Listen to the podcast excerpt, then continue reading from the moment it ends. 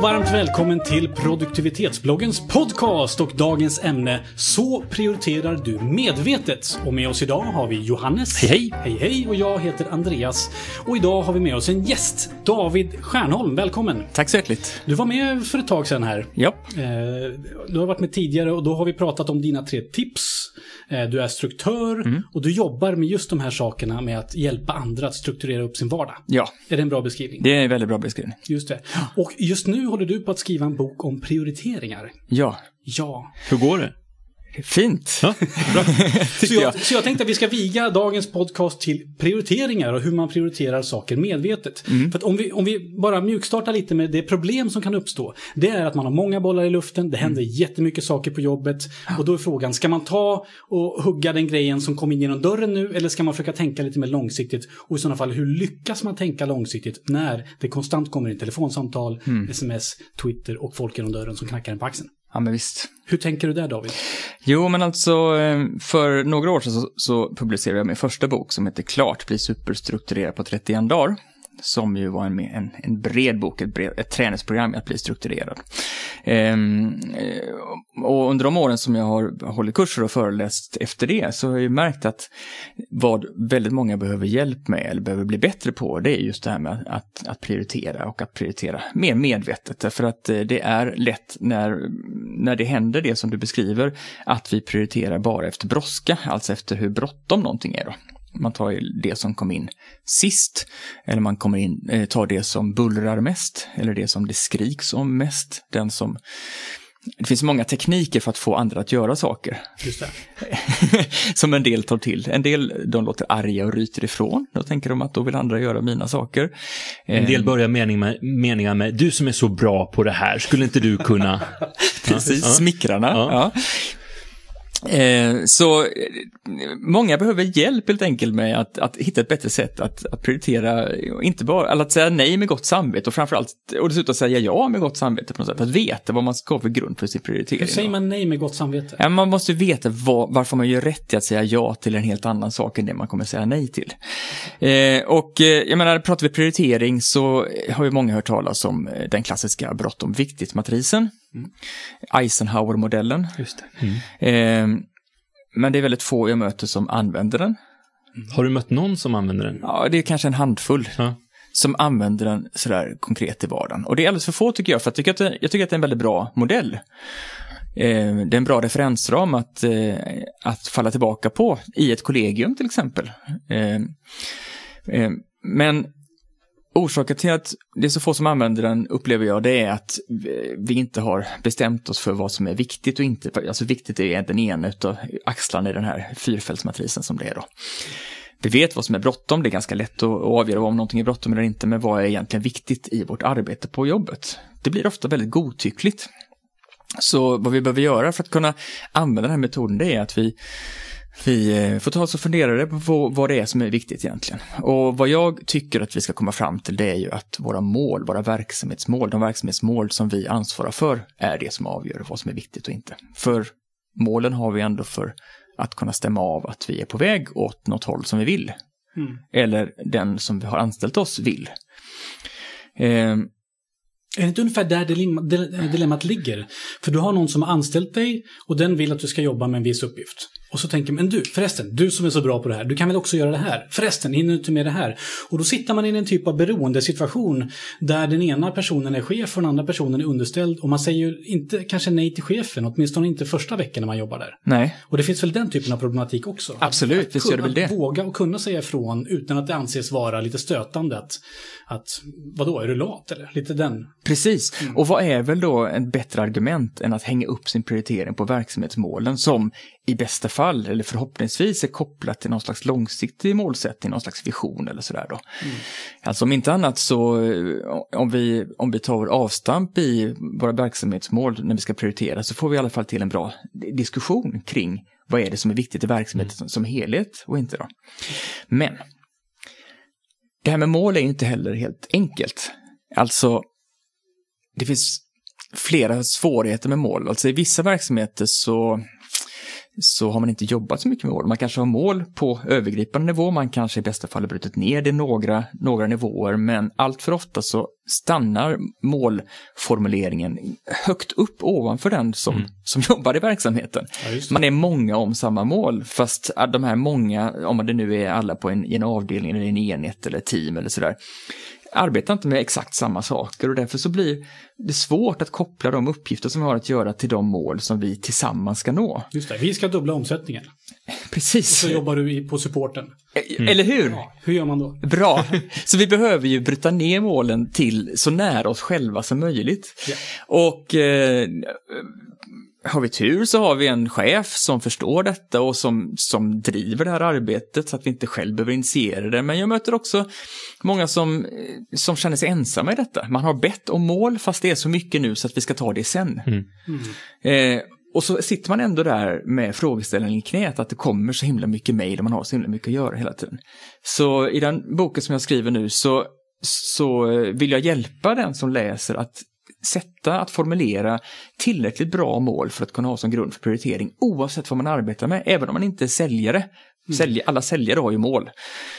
Eh, Men det är många utav oss som inte är säljare utan som arbetar, eh, som har ett jobb där vi inte vanligtvis pratar så mycket om mål, utan vi tänker bara att vi ska göra, vi ska göra ett bra jobb helt enkelt. Men om vad, ja. vad, vad, vad, är, vad är då eh, liksom tipsen för att, för att sätta, sätta bra mål? Mm. Vad är, vad om man om du tar en snabb, snabb genomgång om vad, hur, hur man går tillväga? Man upptäcker att vänta, jag har inget mål med mitt liv eller mitt, mitt arbete.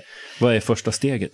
Ja, men alltså, vad som är vanligt är att man, man talar om att mål ska vara smarta, de ska vara specifika, mätbara och sen så A är det här Attraktiva. Ak- attraktiva eller accepterade eller action-oriented eller achievable eller vad det nu är. Vilken Man kan man stoppa i hur mycket som helst Man kan-. Ja, precis. A kan betyda lite, lite varannat. Ja, men det är så, beroende på vad man läser någonstans. Och R som är realistiska och T som är tidsatta. Och det har de flesta hört. Men, eh, men det är ändå en bra start. Eh, frågan är bara vad som är ett specifikt mål. Hur ser man till att, alltså, även om vi vet att mål ska vara smarta, så när jag frågar mina, mina kunder och de som, är, som jag möter, om de kan formulera ett, eller om de kan berätta för mig vilket smart mål de har, så blir det ofta väldigt luddigt tyvärr. Man pratar om hög omsättning, och god lönsamhet och bra kvalitet. Liksom.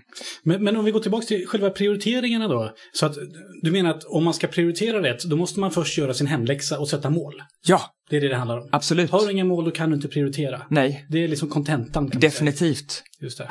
Och att formulera ett smart mål, det är som att formulera en god mening. Mm. Mm. Du behöver ha ett subjekt på något sätt, någon som ska lyckas med någonting. Vi har något slags predikat där då helt enkelt.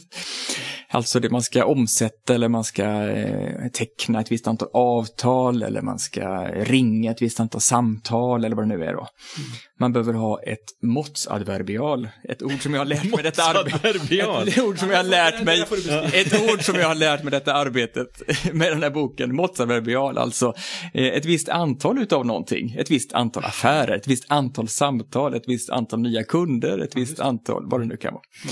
Ehm, och sen så behöver vi också ha tidsadverbial, det ska ju vara innan en viss eh, en deadline kanske, eller det ska vara mellan två datum, eller under ett visst år eller så. Och om vi då alltså, om vi tänker att formulera ett mål som, eh, som att formulera en god mening, så blir det mycket lättare ett tillräckligt tydligt mål. Om det är attraktivt eller realistiskt, det är ju, eh, ligger mer i betraktarens öga, men det blir åtminstone specifikt mätbart och tidsatt. Men jag vill ändå komma ner på det konkreta. Eh, Det vill säga att du ska kunna prioritera någonting till, i vardagen. Och säg att du har två saker som inte är så himla... Det är inte så lätt att veta vilken väg du ska gå. Eh, vi tar hemmaexemplet. Du är hemma och sen så ska du glo och nu börjar eh, sporten på tv. Du vill gärna se den. Men eh, ungarna vill gärna att du ska läsa en bok för dem. Eh, och där och då så finns det säkert så att jo men det är bra om jag läser en bok för ungarna för då så blir de glada. Men å andra sidan, jag behöver egen tid för att få energi så jag behöver se på sporten. Och där och då måste du göra en snabb prioritering. Och du kan inte sätta dig ner och fundera i fem timmar över vad har jag för mål med livet. Precis.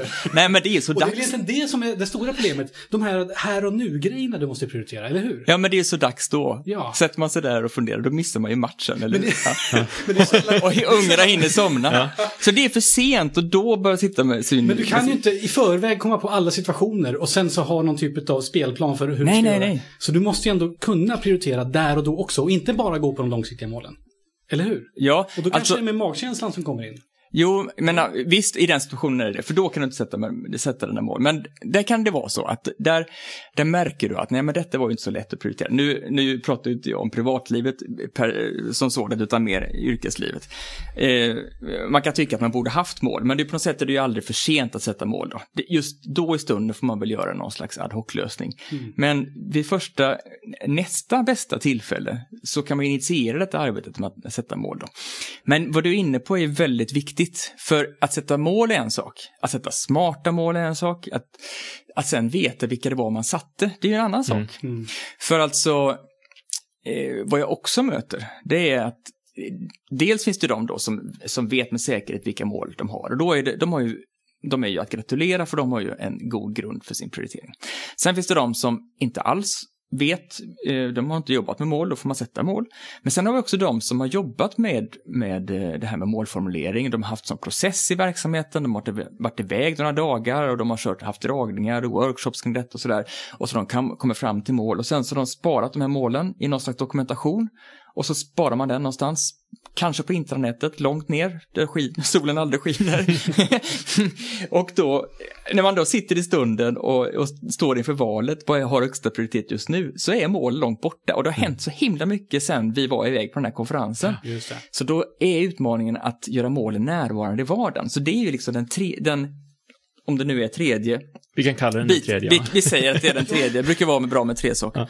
Eh, eh, den tredje delen som vi behöver tänka igenom, eller vi behöver skaffa oss förutsättningar för. Alltså hur ska vi göra Följa målen upp det så när... kontinuerligt. Ja. Ja, följa upp det kontinuerligt är en sak, men att, att eh, se till att när vi sitter i den valsituationen då, att då ha lätt till att hitta vilka mål, vad målen, eh, vilka mål det var egentligen.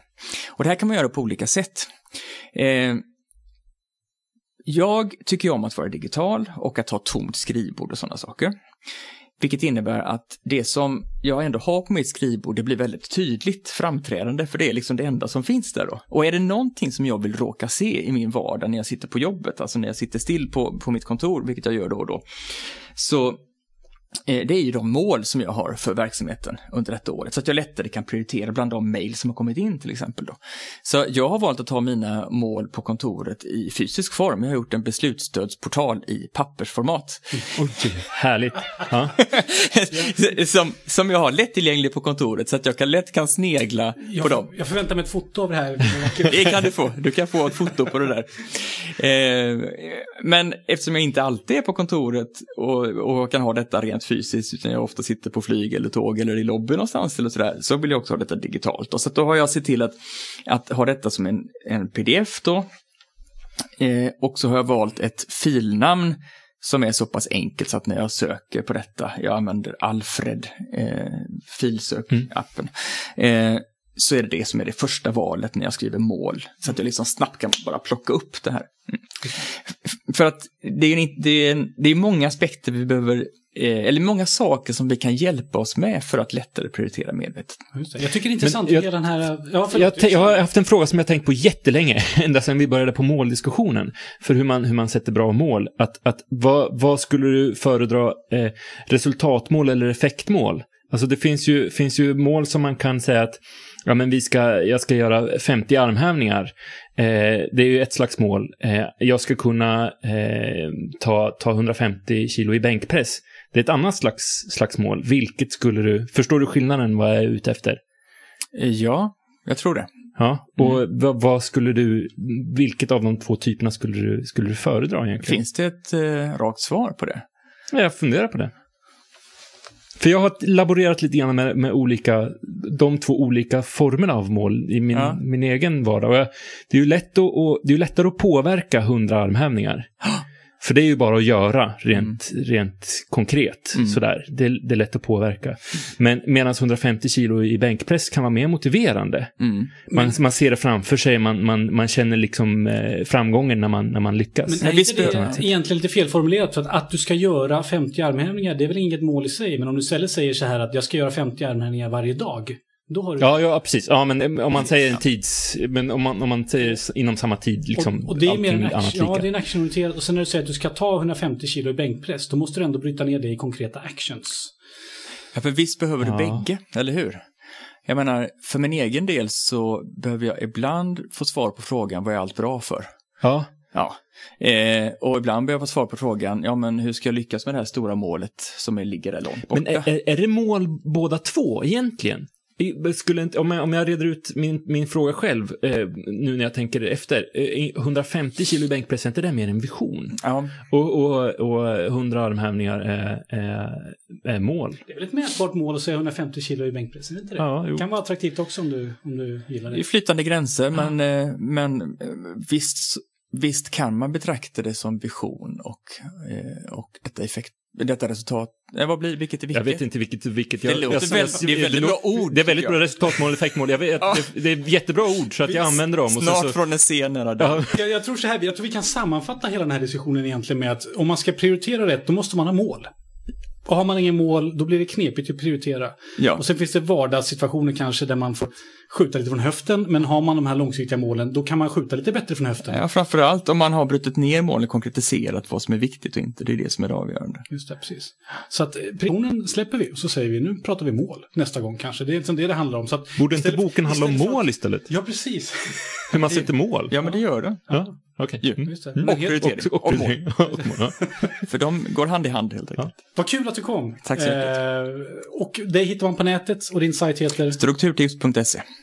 Och där så kan man då dels höra dig i din egen post, Ja. kan läsa din blogg, Ja, nyhetsbrev, ja, etc. etc. precis. Hela videvitten. Ja. Precis. Jättebra. Kul att du kom. och vi Mm, hoppas att vi får eh, träffa på varandra någon gång senare kanske. Mm, mycket gärna. Och Johannes, kul att du var med också. Ja, tack så mycket. Och vad kul att jag var med också. Ja, jätteroligt tycker jag. Och du som lyssnar på det här, du ska givetvis gå in på produktivitetsbloggen.se. Där kan ni läsa mer om prioriteringar. Och vi har pratat mer om prioriteringar tidigare i podcasten. Så att det finns ett tidigare avsnitt också om det. Följ oss på Facebook, följ oss på Twitter. Tack för att du har lyssnat. Ha en bra dag. Hej då!